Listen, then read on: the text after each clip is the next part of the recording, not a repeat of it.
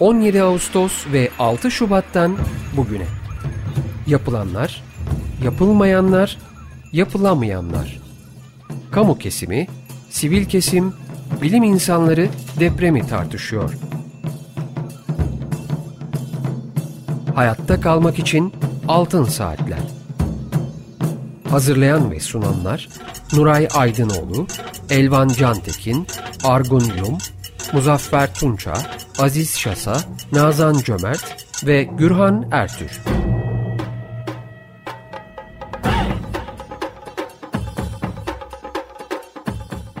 Açık Radyo'dayız. Altın Saatler programında bugünkü programı Mehmet Nuray Aydınoğlu, Argun Yum, Aziz Şasa, Buğra Çelik, Elvan Cantekin, Nazan Cömert ve ben Gürhan Ertür birlikte sunacağız.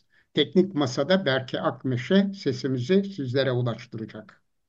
Telefon numaramız alan kodu 212 343 40 40. Elektronik posta adresimiz açıkradyo.com.tr Altın Saatler programlarının ses kayıtlarını Açık Radyo'nun internet adresinde podcast bölümünde dinleyebilirsiniz. Bugünkü programımızın destekçisi Eşref Tümer'e teşekkürlerimizi e, iletiyoruz. Evet, efendim e, Erzincan'ın İliç ilçesindeki Çöpler Altın Madeni'nde dün öğleden sonra geniş bir bölgede toprak kayması meydana geldi milyonlarca metreküp toprağın aktığı belirtiliyor. 9 işçinin heyelan altında kaldığı açıklandı ancak sayının yükseleceğinden e, korkuluyor. Kurtarma çalışmalarının ikinci gününde henüz bir sonuç alınamadı. Ekoloji örgütleri, odalar, sendikalar, barolar olarak İliç'teki ana gold madenciliğe ait çöpler kompleksi kompleks madeninin kapatılması için yıllardır uyarıda bulunuluyor bilir kişiler maden çalıştığı sürece bu felaketlerin kaçınılmaz olduğunu onlarca kez raporladılar ve e, talepte bulundular. Ancak iktidar her seferinde Anagold'un ortakları olan Kanadalı şirket ve yerli Çalık Holding'den yana tutum sergiledi. Üst üste yaşanılan siyanür sızıntıları ve kazalarına rağmen geçici kapatma ve göstermelik para cezaları dışında ciddi bir yaptırımda bulunamadı. Önümüzdeki hafta çok daha geniş detayla ve birçok bilgiye ulaşarak tekrar programımızda Altın Saatler programında ele e, alacağımızı şimdiden bildirebiliriz. Efendim bugün programımızda Adıyaman ilinde deprem sonrası tarım, ticaret ve sanayinin nasıl etkilendiğini, sağlık ve eğitim alanlarındaki sorun ve ihtiyaçları, barınma koşullarını, toparlanmanın önündeki engelleri konuşacağız. Üç konuğumuz var. Adıyaman'dan Gani Bereket, ziraat mühendisi, Adıyaman Ticaret ve Sanayi Odası Meclis Başkanı, birçok sivil kuruluşta emekleri var. Hasan Deniz, Sağlık ve Sosyal Hizmet Emekçileri Sendikası'nda iş yeri temsilciliği, komisyonlarda üyelikler, şube yöneticiliği, eş başkanlık ve Merkez Disiplin Kurulu üyeliği yaptı. Deprem sonrası dönemde Adıyaman'da sahada gözlem ve raporlama yap, yapıyor. Hamit Levent Evci 15 yıldır çocuk ve gençlik hakları, adalete erişim, yerel sivil toplum örgütlerinin kapasitelerinin güçlendirilmesi ve savunuculuk odağında çalışmalar yapıyor. Depremin ikinci gününde memleketi Adıyaman'a ulaştı. İnsani yardım çalışmalarında görev aldı. Depoda tanıştığı gençlerle Adıyaman'da Dayanışma İnsanları Derneği'ni kurdu. Ayrıca sivil toplum örgütleri arasındaki iletişim ve koordinasyonu güçlendirmek için Adıyaman Sivil Toplum Dayanışma Grubu'nu oluşturdu. Halen birçok farklı sivil toplum örgütünün çalışmalarına gönüllü ve profesyonel olarak destek vermeye devam ediyor. Ee, sevgili konuklarımız programımıza hoş geldiniz. Merhabalar.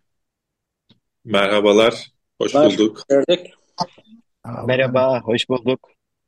Evet, e, arkadaşlar e, Nuray Hocam, Argun Yum, Aziz Çasa, Buğra Çelik, Elvan Cantekin, Nazan Cömert sizler de programa hoş geldiniz. Hoş bulduk efendim. Ben ilk sözü hemen Buğra Çelik'e vermek istiyorum. Evet Buğra. Çok teşekkürler. Ee, ben de hızlıca giriş yapmak istiyorum aslında e, Gani Bey'le. Gani Bey'in e, depremin hemen sonrasında yaptığı açıklamalarda şehrin hayalet şehre dönmesi üzerinden bir yorum vardı. Göçün en büyük sorun olduğunu işaret ediyordu. E, Gani Bey şu an birinci yılın sonunda Adıyaman'da durum nedir ve aslında en büyük sorunu nasıl görüyorsunuz? Öncelikle merhabalar. Bütün katılımcı arkadaşlara selam gönderiyorum. Buradan bizi dinleyen herkese çok selam, sevgi ve saygılarımı sunuyorum. Tabii eh, depremden yaklaşık bir yılı da artık geçirdik. Eh, aynen o günkü eh, belki verdiğimiz demeçlerde bir hayalet şehir olacak. Hayalet şehir gibiydi. Gerçekten öyleydi. Çünkü gerçekten biz çok zor günler geçirdik. Çok kötü günler geçirdik. Çok şükür bugün işte o zaman konuştuğumuz bir mottomuz vardı. İşte ee, konuşacak çok şey var ama konuşacak kimse kalmadı. Bakın işte şu anda sizlerle konuşuyoruz. Gönül isterdi bugün tabii 6 Şubat'ı devirdik. Bugün 14 Şubat Sevgililer Günü. İşte arkadan bir Frank Sinatra, bir Louis Armstrong e, çalsın. Biz de burada güzel şeyler konuşalım ama kısmette bu varmış. Depremi konuşmak varmış. E, inşallah umarım bir daha ülkemiz hiç kimse böyle bir felaketten e, karşılaşmaz. Ee, şöyle, tabii ilk günden bugüne kadar e, ilk günkü ihtiyaçlar farklıydı. Şimdiki ihtiyaçlar daha farklı oluşmaya başladı. E, hayata dair tabii ki bir takım e, eksiklikler var mı? Fazlasıyla var. Hala e, yaşama dair e, birçok e, problemler yaşıyoruz. E, sahada olan arkadaşlarımız da var burada, tanıdığımız arkadaşlarımız da var, Hamit Bey de var. E, beraber birçok e, projede bir araya geldik, birçok yardımda bir araya geldik. E, depremin ilk günden beri ben sahadaydım zaten. E, inanın ki e, o günden bugüne e, bir e, bir tane daha evin ışığı yandığı zaman, bir tane iş yerinin ışığı yandığı zaman böyle mutlu oluyoruz kendi içimizde. E, çünkü inanılmaz büyük bir e, keyifli yaşıyormuşuz bu küçük gördüğümüz şehirde e, sürekli belki şikayet ettiğimiz işte sosyal hayatın daha az olduğu e, bir metropol şehre göre daha e, eksik olduğu e, birçok şeyi kendi kendimize hayıflandığımız e, şeyleri gerçekten ne kadar değerli olduğunu bu felaketi yaşadıktan sonra anladık. E, ama gerçekten e, her şeye rağmen mücadeleye devam ediyoruz. İlk gündeki göç problemi hala devam ediyor. İster istemez barınma sorunlarımız çok fazla. E, iş kanadında yine öyle. İş dünyasının yine çok büyük eksikler var. Tabii ileriki zamanda e, tekrar değinebiliriz ama ilk etapta şu anda hala barınma sorunları var. Çünkü bugün itibariyle e, çok büyük bir yine e, yağmurla karşılaştık. Çok e, büyük bir sel oluştu yine Adıyaman'da ve bu selin karşılığında konteynerda ve e, geçici barınma yerlerinde e, barınan insanların halini düşünemiyorum ki ben e, şu anda mevcut bir evde yaşayan bir insan olarak e, hakikaten o insanların çok e, zor şartlarda e, hayatlarını devam ettirdiğini görüyorum, hissediyorum. O açıdan bir an evvel bizim bu kalıcı konutların ve kalıcı iş yerlerinin bir an evvel hayata geçirilmesi lazım. Bir kere e, problem çok net. Herkes de biliyor bu problemi. Ki Adıyaman şu an itibariyle 2700-2800 civarında bir e, Sayın Cumhurbaşkanı'nın da geçen hafta Adıyaman'a gelerek e, bir konut e, TOKİ konutları e, sayısı açısından 2700 küsür tane yine bölgede en az e, şu an için teslim edilen e, konutlar itibariyle e, bu durumdayız. E, hala üniversitemiz tamamen açık değil. E, üniversitemiz işte e, uzaktan eğitimle e, bir e, şey yapıyor. E, eğitim veriyor. İnşallah ikinci dönemde Mart'tan sonra üniversitemizin de açılacağını e, söylüyorlar bazı bölümler için. E, tabii bu ister istemez şehirde bir e, hareketliliği getirir diye düşünüyoruz ama işte sonuç itibariyle gelecek öğrencilerimizin e, barınma problemi muhakkak olacaktır. E, şehirde kiralar e, almış başını gitmiş. E, gerçekten e, kiralık ev bulmak zaten zor. Bulduğunuz evin de en az üç katını ödeyerek e, kira, ev kiralayabiliyorsunuz. E, altyapı problemleri e, çok fazla. Üst yapı yine problemli. E, ister istemez eski günlerde e, 1980'li yıllara döndü diye diyorum Adıyaman. O günlerde gerçekten e, nüfusu işte 100-120 binken e, aynı sorunları yaşıyorduk altyapı olarak, üst yapı olarak. Bugün tabii bu büyük felaketten sonra yine aynı problemleri yaşıyor görünüyoruz. Yani bir, bir nevi başa döndük. E, o açıdan e, eksiklerimiz çok fazla. E, şimdilik e, görünen şeyler bunlar. Evet, burada gene söz. Çok teşekkürler Gani Bey. Yani aslında e, ben de deprem başından beri Hatay'dayım. Çok benzer e, durumlar e, olduğunu duyuyorum sizden de. Peki şu ana kadar ne çalıştı, neyin işe yaradığını, bu e, sorunların yanında bir yandan da e, Adıyaman'da da e, Hamit'ten de biliyorum e, ciddi çalışmalar da var. Siz de bunun bir parçasısınız. İyi örnekler dediğinizde aklınıza neler geliyor acaba? Tabii iyi örnekler gerçekten iyi insanları tanıdık bir kere. Gerçekten e, bütün Türkiye kenetlendi bu e, kötü durumda, bu felakette. E, iyi insanlar tanıdık, iyi e, sivil toplum kuruluşunda e, görev yapan insanları tanıdık. Tabii ki e, gerçekten travmalar çok fazla. Ben olaya hep e, insani bakıyorum. E, bir şekilde burada insanlar eninde sonunda evet şikayet ediyoruz ama barınmayı bir şekilde eninde sonunda yapılacaktır. İş yerlerimiz bir şekilde yapılacaktır. Ama insan enkazı çok kötü. Yani insan enkazlarını, o insanların hikayelerini dinlediğiniz zaman onları nasıl biz yeniden e, yani yeniden tekrar o insanları tekrar hayata dair, üretime dair nasıl devam ettirebiliriz? Onun derdindeyiz. E, ben hep dediğim gibi olaya insani bakıyorum.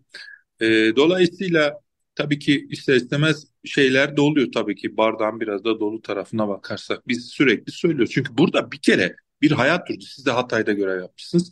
Şimdi e, Adıyaman e, bizim değil e, Cumhurbaşkanlığı Strateji Daire Başkanlığı'nın e, vermiş olduğu rakamlara göre 68.1 ile en fazla zarar gören e, şehir durumunda. Bu ne demek? Bağımsız alan ve e, kişi sayısı yani ölen sayısı nüfusa oranla en yüksek alan. Tabii ki Hatay'da yıkım daha fazla, e, ölen insanlar e, daha fazla.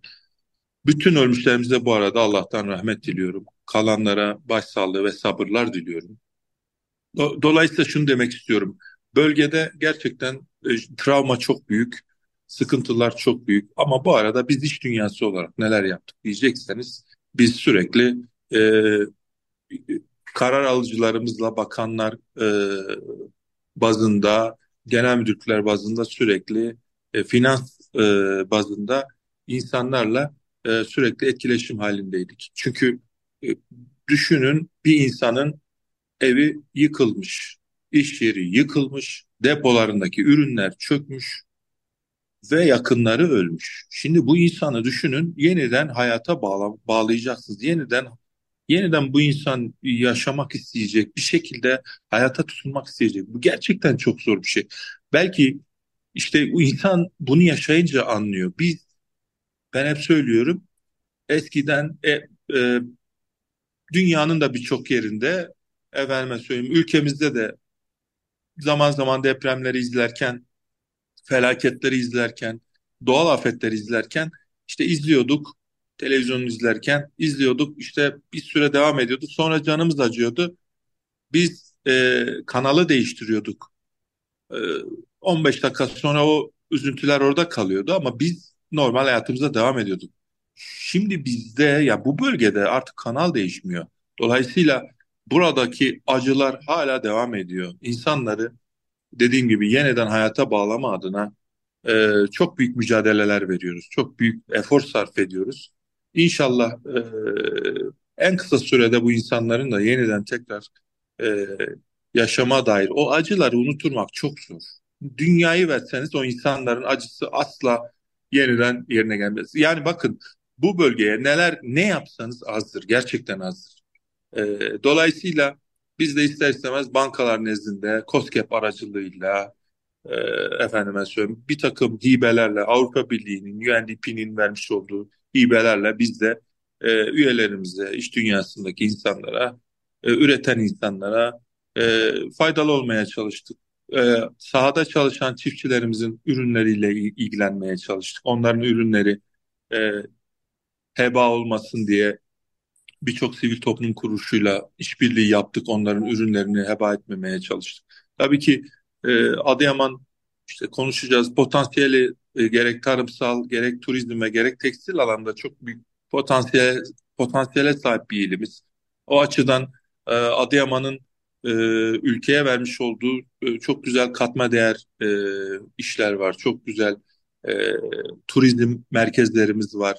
Dünyanın 8. harikası Nemrut Dağı'na sahibiz. E, örnek veriyorum. Bu alanda e, özellikle e, hepiniz de medyadan e, görüyorsunuzdur, işitiyorsunuzdur. Özellikle İsyas Oteli'ndeki o e, Kuzey Kıbrıs'tan gelen e, sporcu çocuklarımızın vefatı da çok büyük bizi derinden üzdü.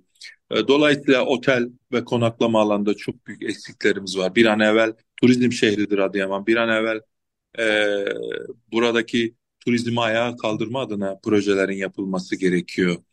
E, o yani konaklama açısından çok büyük sorunlarımız var. Bu sektördeki arkadaşlarımızı da e, özellikle e, desteklemeye çalışıyoruz. Onlarla ilgili projeler yapmaya çalışıyoruz. E, keza tarımsal sektör yine öyle en büyük Türkiye'nin en büyük e, badem e, üretim alanına sahip bir şehrimiz. E, birinci sıradayız Türkiye'de. Çok önemli bir e, ürün.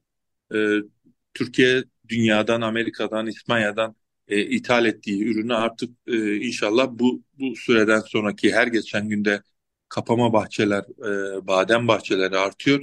İnşallah bu dönemde de e, bu alanlar büyüttüğümüz zaman e, ithalat konusunda da inşallah ithalatı da sıfıra düşüreceğiz. Çünkü ben hep iddia ediyorum dünyanın en lezzetli bademi gerçekten bu bölgede çıkıyor. E, çok daha büyük birçok ürünümüz var. E, özellikle tütün evet sağlığa zararlı bir ürün ama çok büyük bir üretim alanına sahip Adıyaman tütünü çok meşhur bir ürün. Efendime söyleyeyim. Onun dışında nar ve e, özellikle Trabzon hurması ve zeytinde de çok büyük atılımlar var. Adıyaman üç tarafı suyla çevrili bir alan. Ben hep söylüyorum, sizin aracınızla da bütün e, ülkemin insanları duysun istiyorum. Adıyaman e, bu ülkeye gerçekten e, büyük bir özveriyle bir ilçesini 150 tane köyünü ve binlerce dönüm arazisini bu ülkeye e, feda etti. Bugün Adıyaman zor bir durumda, çok büyük bir felaket geçti. Başımızdan bugün Türkiye Cumhuriyeti'nin, ülkemizin artık Adıyaman'a bir bu diyet borcunu ödemesi gerektiğine inanıyorum. Çünkü Adıyaman ülkesine, vatanına, milletine, bayrağına bağlı bir şehir ve katma değer üreten bir şehir. Dediğim gibi çok büyük bir fedakarlıktan geçti. 1980'li 85'li yıllardan e, bilenler bilir. E, Atatürk Barajı ilk e, kurulmaya başlandığında dediğim gibi işte Adıyaman'ın bir ilçesi yüzlerce e, köyü ve binlerce dönüm arazi su altında kaldı ve e, ters, e, şehirle göç başladı. O dönemde bir e, bir e, ister istemez e, şehrin e, farklılaşması oluştu. Yani e, demografik yapı orada biz bir kere demografik yapıyı değiştirdik. Bu ama ne yaptık? Bu ülkenin bu ülke için bu ülkenin verimli arazileri sulansın diye bu şehir e, bir fedakarlık yaptı. Ben sizlerin aracıyla da ben bu kadar Adıyaman'ın zor durumda, bu kötü durumda olduğu bir dönemde e, inşallah e, ülkemiz bu şehrin inşallah e, bir vefa örneği olarak e, bu şehrin inşallah e, özellikle e, tekrar yeniden sulama su, sulanabilir arazilerin artması açısından inşallah çok büyük bir pozitif ayrımcılık e, yapılacağına inanıyorum. Kusura bakmayın biraz e, dertli olduğum için. Rica ederiz Gani Bey. Nefes çok almadan konuşuyorum. Ben ee, hemen Hasan Deniz Bey'e evet. sağlık hizmetleri açısından durumu sormak istiyorum. Hastanelerin durumu e, ne oldu? E, sağlık e, hizmetlerinde ne durumdasınız? Bu konuda bilgi rica ediyorum. De merhaba diyorum herkese, bizi dinleyen, sesimizin ulaştığı herkese. E, İliç'te öncelikle yaşanan çevre büyük bir felaketten dolayı e, geçmiş olsun diyoruz. E, umarım en kısa sürede tekrar olmaması için gerekli önlem ve tedbirler alınır. Sağlık alanı ile ilgili düşündüğümüzde depremin ilk anından ziyade mesela Adıyaman'da e, depremden önce de sağlık çok iyi düzeyde değildi. Ciddi eksikliklerimiz vardı. Tadilat tamirattan geçmesi gereken yapılarımız vardı. Depremle birlikte maalesef bunların birçoğu gün yüzüne çıktı. Depremin ilk anında özellikle ilk birkaç gün e, sağlık kuruluşlarının büyük bir kesimi tamamen yıkılmıştı. Enkaz altındaydı. Madde ekip yani ekipman eksikliği vardı, malzeme eksikliği vardı. Çalışan arkadaşlarımızın çoğu aileleriyle ilgilenmek zorunda kaldığı için, taziyeler olduğu için, enkaz başlarında kalmak durumda olduğu için çoğu e, doğru dürüst bir sağlık hizmeti üretemedi Ama imkanı olan, elinden gelen herkes hastaneye koştu. Adıyaman'da özellikle e, kent merkezi depremde çok ciddi hasar aldı. Kent merkezinde bulunan e, kadın doğum ve çocuk hastalıklar hastanemiz, e, yine diş hekimliği fakültemiz, yine bir özel hastanemiz ağır hasar aldığı için tüm e, Adıyaman ilinin yükü tek bir hastanemiz olan Eğitim Araştırma Hastanesi'ne maalesef kaldı. E, orada da çok ciddi eksiklerin olmasından dolayı yeterli müdahaleler de gecikti, olmadı. Enkaz altından insanlarımızın çıkması, çıkartılması epey bir sürdü. Gerekli destek ve yardımlar ulaşamadı. Şu anki süreç açısından düşündüğümüzde evet yine eğitim araştırma hastanemiz tek başına Adıyaman'ın yükünü kaldırmaya çalışıyor. E, bir özel hastanemiz hizmete girdi birkaç ay önce tekrardan tadilatını yapıp geçti. İlçeler açısından düşündüğümüzde yine ilçelerimizde e, Çelikan ilçe devlet hastanemiz ağır hasarlı. Onun yerine yenisi yapılıyor. Aile sağlığı merkezlerimizin önemli bir kesiminde özellikle bina altında bulunanlar hasar alıp yıkıldı. Onların çoğu konteynerlarda hizmet vermeye çalışıyor. Arkadaşlarımızın çoğu il dışına giden o süreçte ister istemez küçük çocuğu olan, evi yıkılan, kalacak, barınacak yeri olmayan arkadaşlarımız il dışına gidenlerin hepsi geldi zaten. Bir kısmı il e, tayin istemişti. Onun dışında e, gelen arkadaşlarımız oldu. En büyük sorun sağlık emekçileri açısından bir barınma sorunu ilk zamanlar bir türlü çözüme kavuşamadığı için büyük bir sıkıntıydı konteyner kentlerin daha oluşturulmaması, işte çadırların e, barınma koşullarının çok yeterli kalmamasından dolayı bir sıkıntıydı. Hala bu sıkıntıların devam ettiğini görüyoruz. Birçok arkadaşımız barınma açısından gerek konteynerlarda, gerek evlerde, yerleşimlerde biraz önce de Gani Bey'in bahsettiği şekilde kiralık ev bulmak, bulunan evin e, hasar durumundan dolayı tedirginlik bunların hepsi ön planda. Yeni e, temeller atılıyor. Hastanenin e, özellikle eski devlet hastanemiz yeniden e, temeli atılıyor. Yeniden hizmete açılacak birkaç, o da bir sürer epey. Yine e, daha önceden depremden önce temeli atılıp inşaatı başlayan Kadın Doğum ve Çocuk Hastalıkları Hastanesi bu yıl içerisinde hizmete girmesi öngörülüyor. Dönüp baktığımızda sağlık açısından durum e, çok parlak değildi ilk günlere göre ama iyiyiz. E, bu yükü zaman içerisinde artık ne kadar telafi edebiliriz o e, şey, o bir süreç. Ama öncesinde de sıkıntı olduğu için sağlığı da biz bir bütün halinde ele aldığımız için aslında e, en önemli sorun orada. Sağlığı bir bütün halinde değerlendirmek gerekiyor. Yani insanın yaşadığı çevreden, ortamdan, tutun, içtiği sudan, beslenmesinden, barınmasından hepsi sağlıktır. E, hastane zaten e, sağlıksızlığın bir sonucu oluyor. İnsanlar sağlıklarını kaybetmeye başladığında hastaneye, doktora, eczaneye başvurmak durumunda kalıyor. E, öncesinden bunların hepsi sağlanırsa özellikle koruyucu hekimlik bazında e, çok daha iyi olurdu. Ama bugünkü durumda baktığımızda maalesef hem altyapı hem üst yapı sıkıntıları insanların e, yaşadığı ağır travmalar e, çok ciddi sıkıntılara neden oluyor. Hastanemizde ya da Adıyaman genelinde bütün deprem bölgelerinde de bu, bu şekilde e, ciddi bir travma var insanların birçoğu e, hala o şoku atlatamadılar. Atlatmaları zaten çok uzun süreçlere yayılacak. psikososyal açıdan baktığımızda insanların psikolojisi ciddi anlamda depremden önceye göre çok çok etkilendi. Yani depremden önceki e, insan yani o depremi yaşayan biri açısından de 6 Şubat öncesi ve 6 Şubat sonrası diye ikiye ayrılıyor. Bir milat 6 Şubat şu anda deprem bölgelerinde yaşayan herkes için. E, son dönemlerde Adıyaman'da ve deprem bölgelerinde özellikle bu psikososyal etkiden dolayı insanlarda travmalar çok oldu. Aile içi şiddetlerin arttı.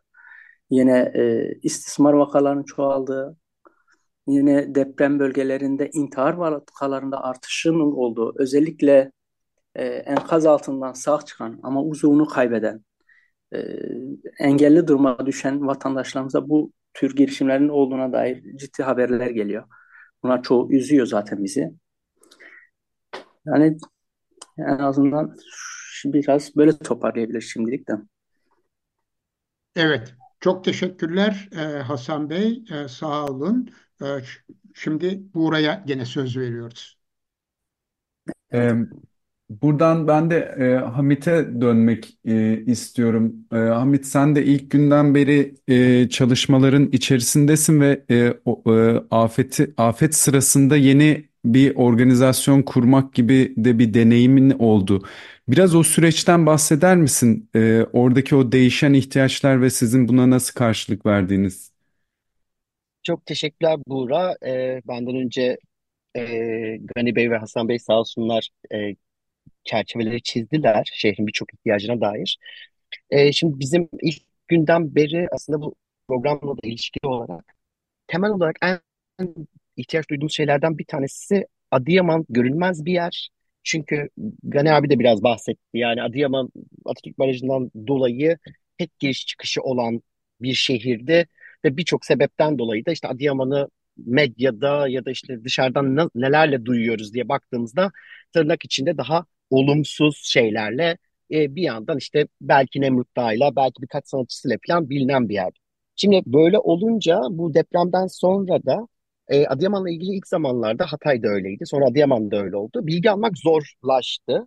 E, benim ben buralıyım. Ailem burada depremi yaşadı. Biraz öyle bir yerden de hızlıca mobilize olup gelebildim. Şimdi ilk geldiğimiz zamandan bugüne kadar ihtiyaçlar her konuda başka başka değişiyor.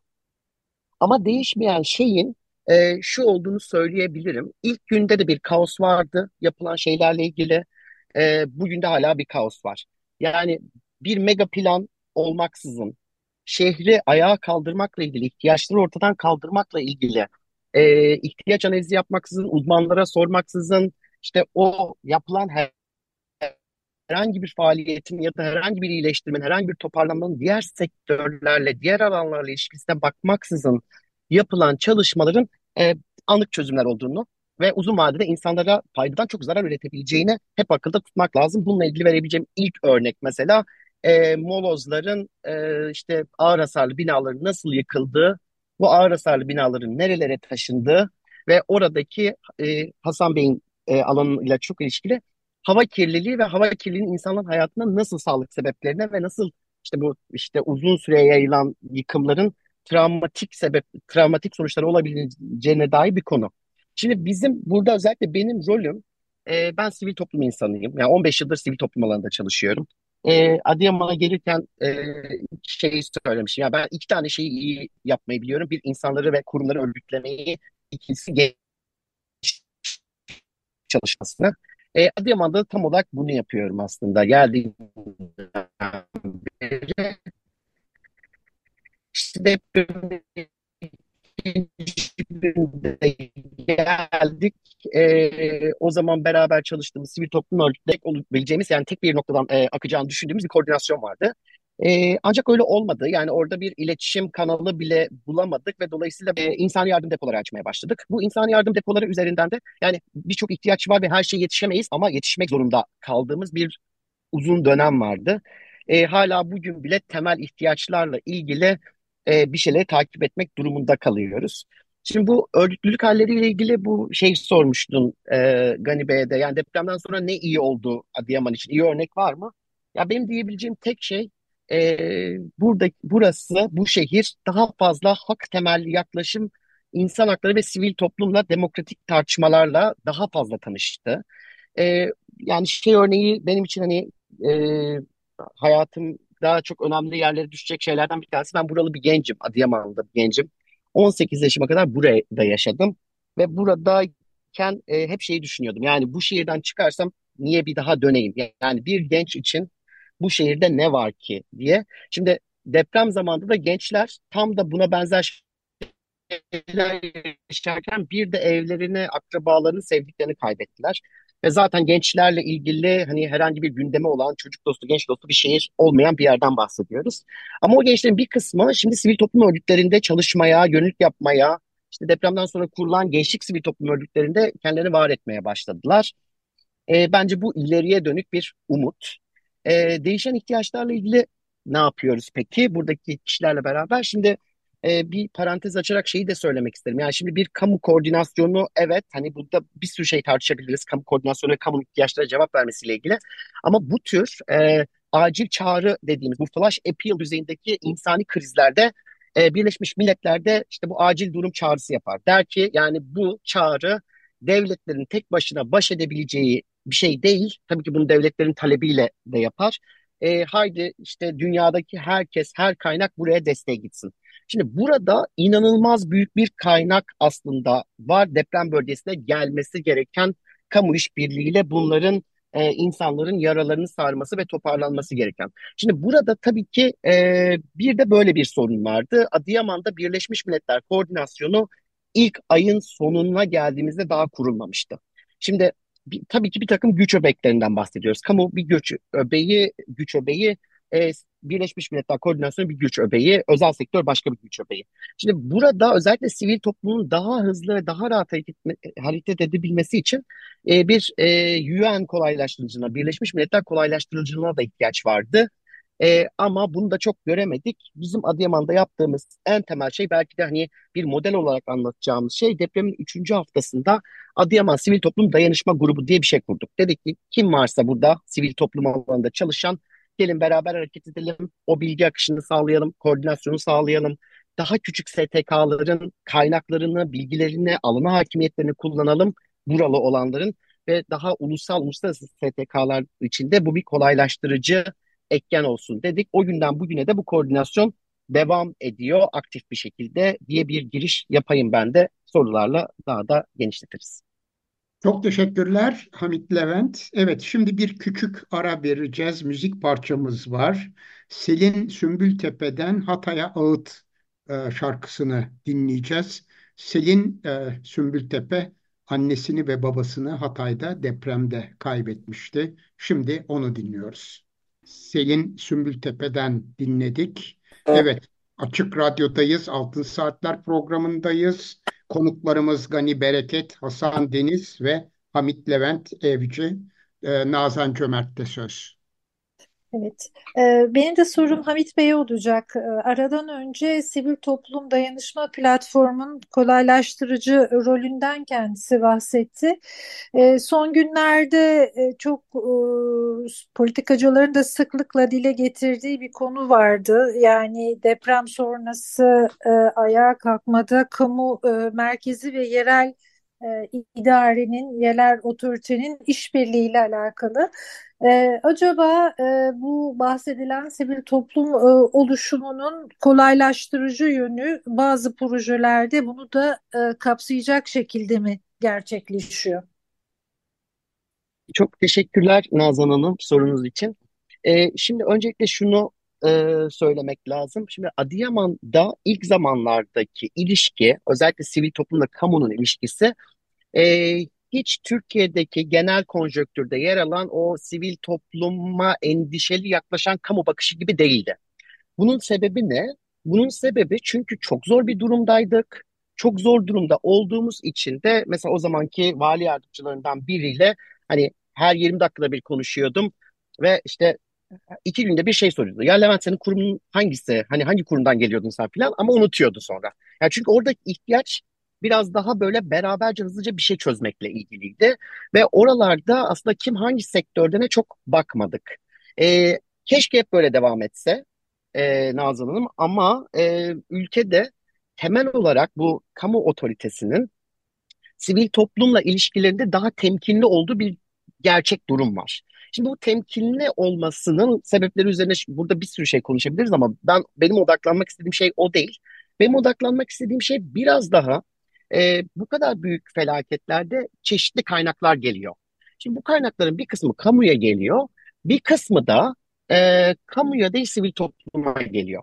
Bir kısmı da hani az önce bahsettiğim Birleşmiş Milletler mekanizmasına geliyor. Şimdi bu kaynaklar birbirinden ayrı bir şekilde kullanıldıkça birbiriyle konuşmadan, dahil edilmeden ilerledikçe zaten bir kaynak israfı diye bir şeyden bahsediyoruz. İkincisi, sivil toplumun varlığı e, çözüm süreçlerinde niteliği arttıran bir şey. Ni, ne demek niteliği arttıran bir şey? Örneğin işte bir tane toparlanma sürecinde diyorlar ki ya bir, bir tane yaşam alanı yapalım.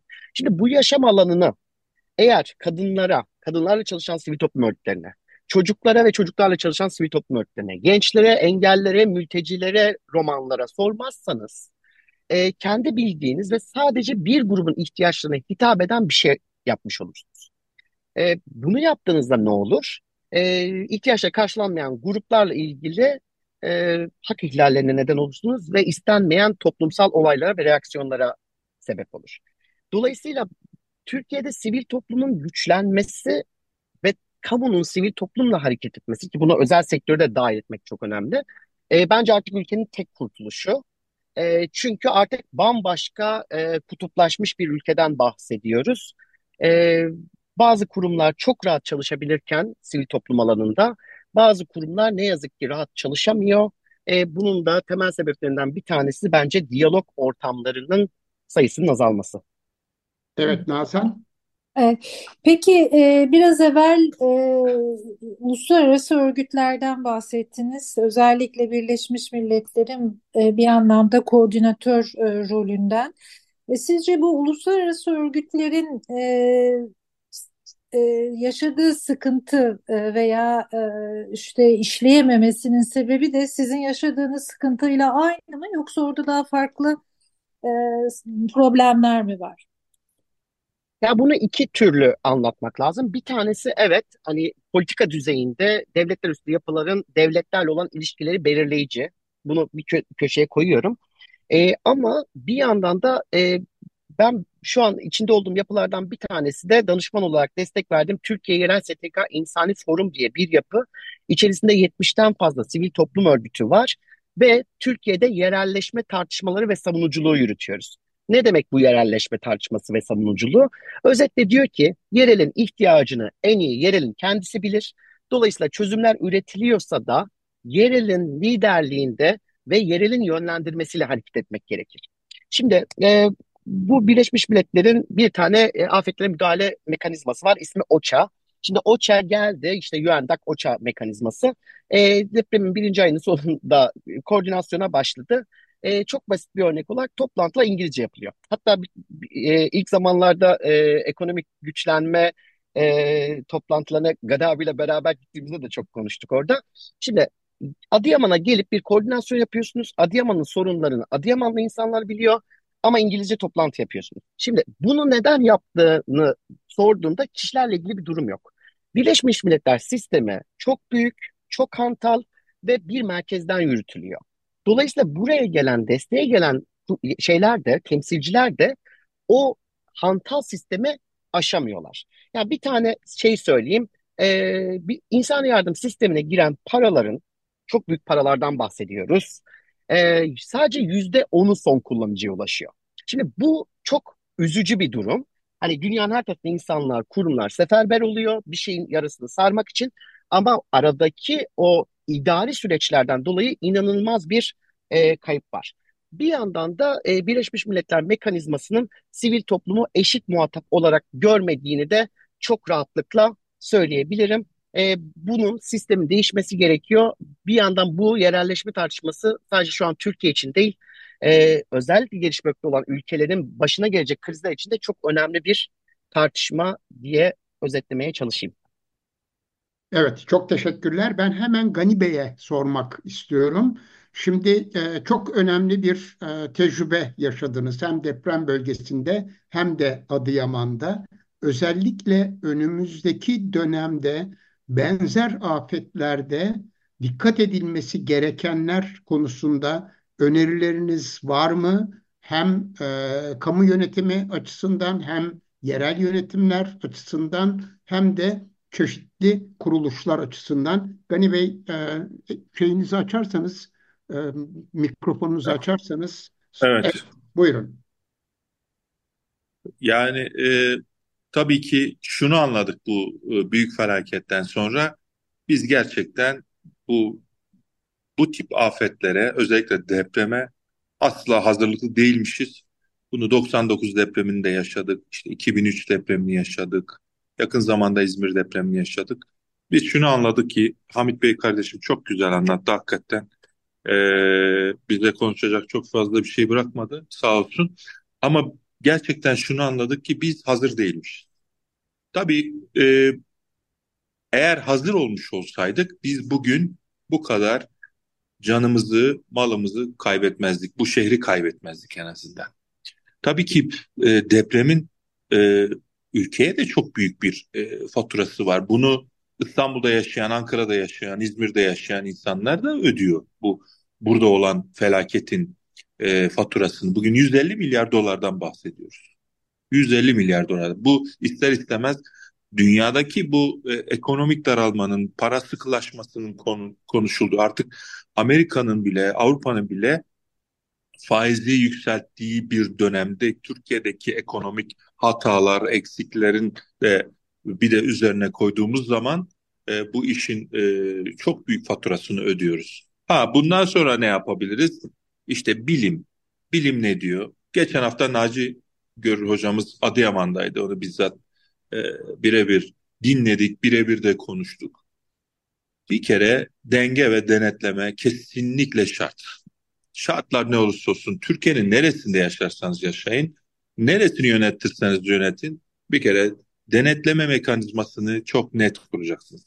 Kurallar, kanunlar yapıyoruz ama maalesef kanunlar, kurallar belirli bir dönem sonra popülizme yenik düşüyor. Dolayısıyla bizim burada yapacağımız, ders almamız gereken şeylerden bir tanesi kanunlara ve kurallara uymak ve bilimin ışığından asla ve asla çıkmamak.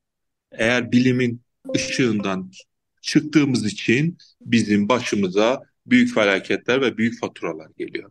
O açıdan e, hakikaten çok büyük büyük de e, dersler çıkarmamız gerekiyor ki hala tehlike geçmiş değil. Bugün Marmara depremi konuşuluyor.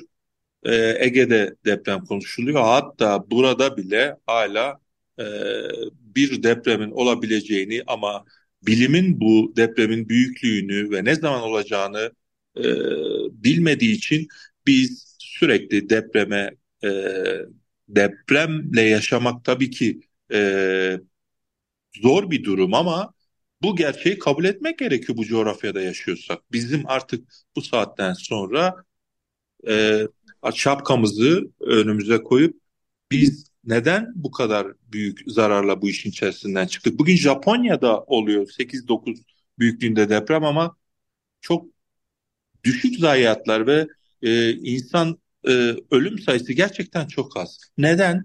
Bir kere biz bunu bu, bu soruyu soralım kendimize. İşte az önce sorduğun soruya geliyorum.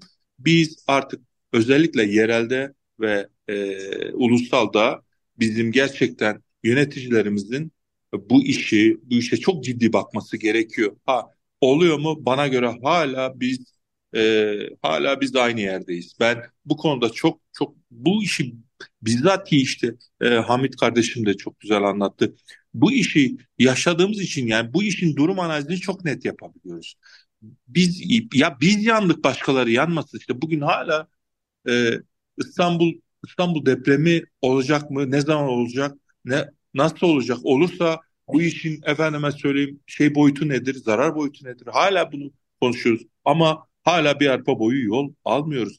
Hesabımıza nasıl gelirse, rant rantımıza nasıl gelirse hep popülist davranıyoruz. E, bu da neden oluyor? Maalesef maalesef e, yaşadığımız hayatın içerisinde siyaset her yerimize işlediği için ister istemez biz bu işin faturasını fazlasıyla ödüyoruz. O açıdan e, ne yaparsanız yapın eğer siz bu önlemleri almadığınız sürece bunun daha mislisini ödersiniz. Biz Ya bakın düşünün biz bu felaketi yaşadık. Bugün bu felaket yaşandığı saatler yani gün ışımaya başladığında biz şehirdeki e, e, makine ekipman, ekipman envanterini bile bilmiyoruz. Nereye gideceğimizi bilmiyoruz. AFAD'da kaç kişi çalışıyor bilmiyoruz. E, efendime söyleyeyim. Özel idarede kaç kişi çalışıyor. Bu işle ilgili kim eğitimlidir bilmiyoruz.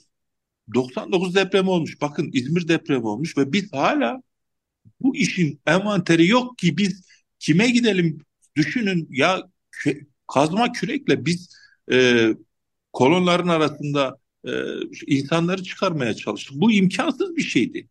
Yani bu işin artık e, eğitimini, bu işin artık gerçekten bilimsel yönünü doğru irdelemek lazım ve bu yönde gitmek lazım. Öbür, öbür türlü inanın ki bu biz ülke olarak e, artık bir deprem bölgesindeyiz. Bunu, bunu kabul edelim. Yani başımıza gelince mi e, biz bu işe e, önem vereceğiz? Ki belirli bir süre işte bir yıl geçti unutuyoruz.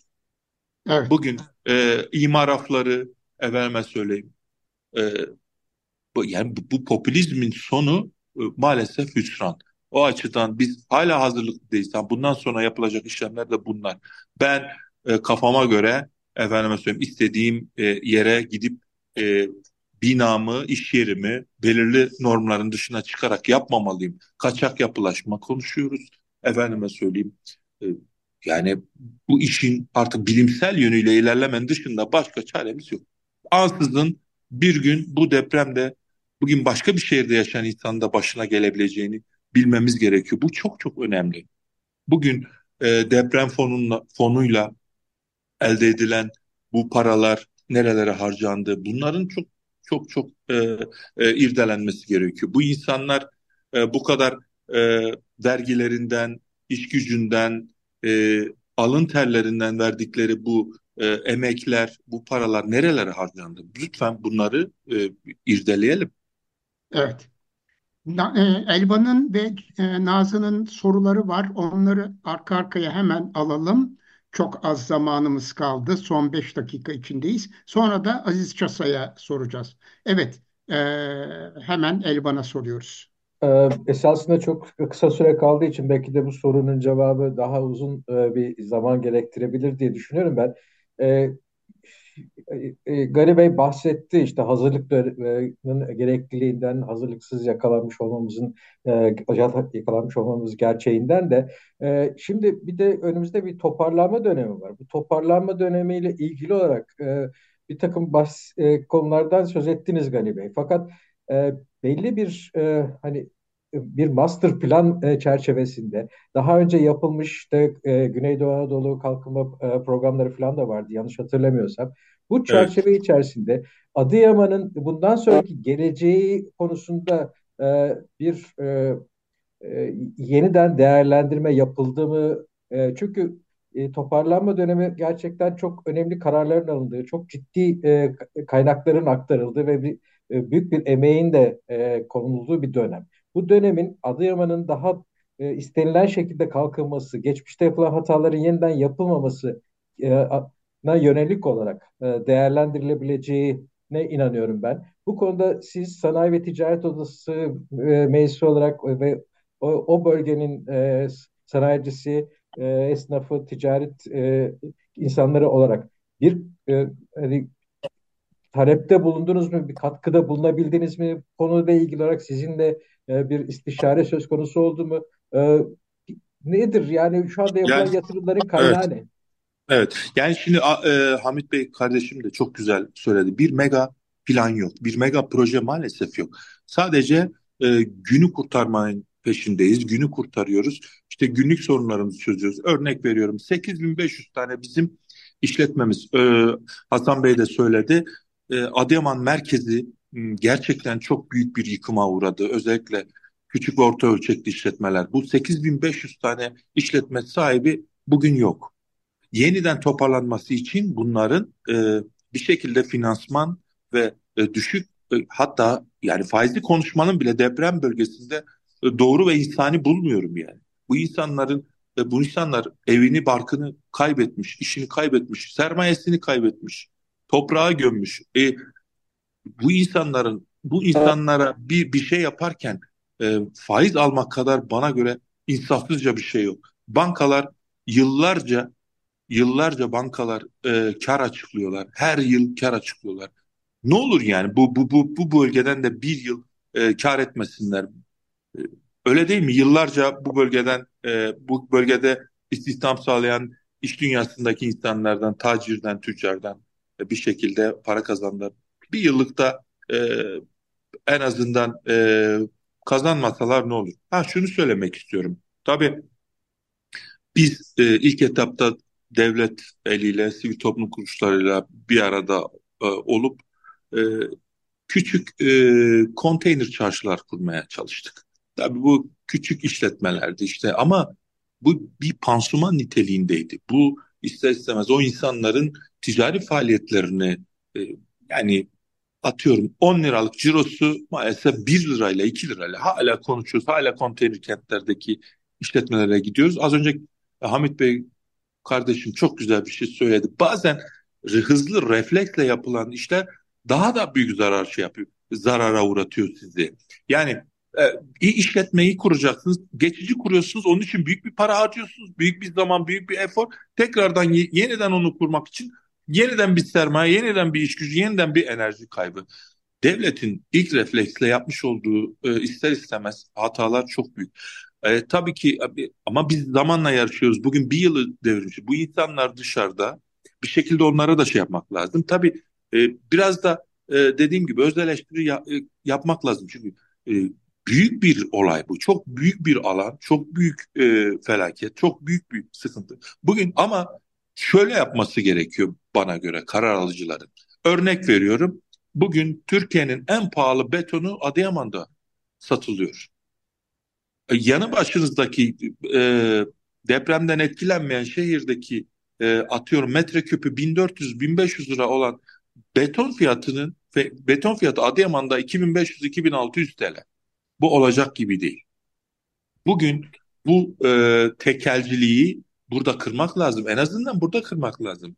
E, o geçici çarşılar belki pansumanlı ama ben şundan yanayım bizim artık bu küçük işletmelerin yeniden o insanların iş yerine dönebilmesi yerinde dönüşüm projeleri var. Yerinde dönüşüm projeleri için devlet bir para açıkladı. 750 bin hibe, 750 bin de 10 yıl ödemesi faizsiz. Bu yeterli ki bu enflasyon %65-70 e, TÜİK'in açıkladığı enflasyonun olduğu bir dönemde siz e, bu 750 bin lira e, maalesef eridi gitti. Biz bir kere bu rakamların artırılması lazım. Üretime, insanları üretime e, yöneltmek için... çok az zamanımız kaldı. Tamam, Kapatmak tamam, zorundayız. Özellikle üretime yönetmek için pozitif ayrımcılık yapılması gerekiyor. Bu insanların evet. yeniden bölgeye dönebilmesi için ekstra bir şey yapmadığı sürece işimiz çok zor. Çok teşekkür ediyorum. Nazan ve Aziz Bey e, sorularını iletemeyecekler ama bir program daha yapacağız mutlaka Adıyaman üzerine. Çok teşekkür ederiz. Bugün konuklarımız Gani Bereket, Hasan Deniz ve Hamit Levent Evci idi. Gelecek hafta yeni bir Altın Saatler programında görüşmek dileğiyle. Hoşçakalın. Hoşçakalın. Hoşçakalın.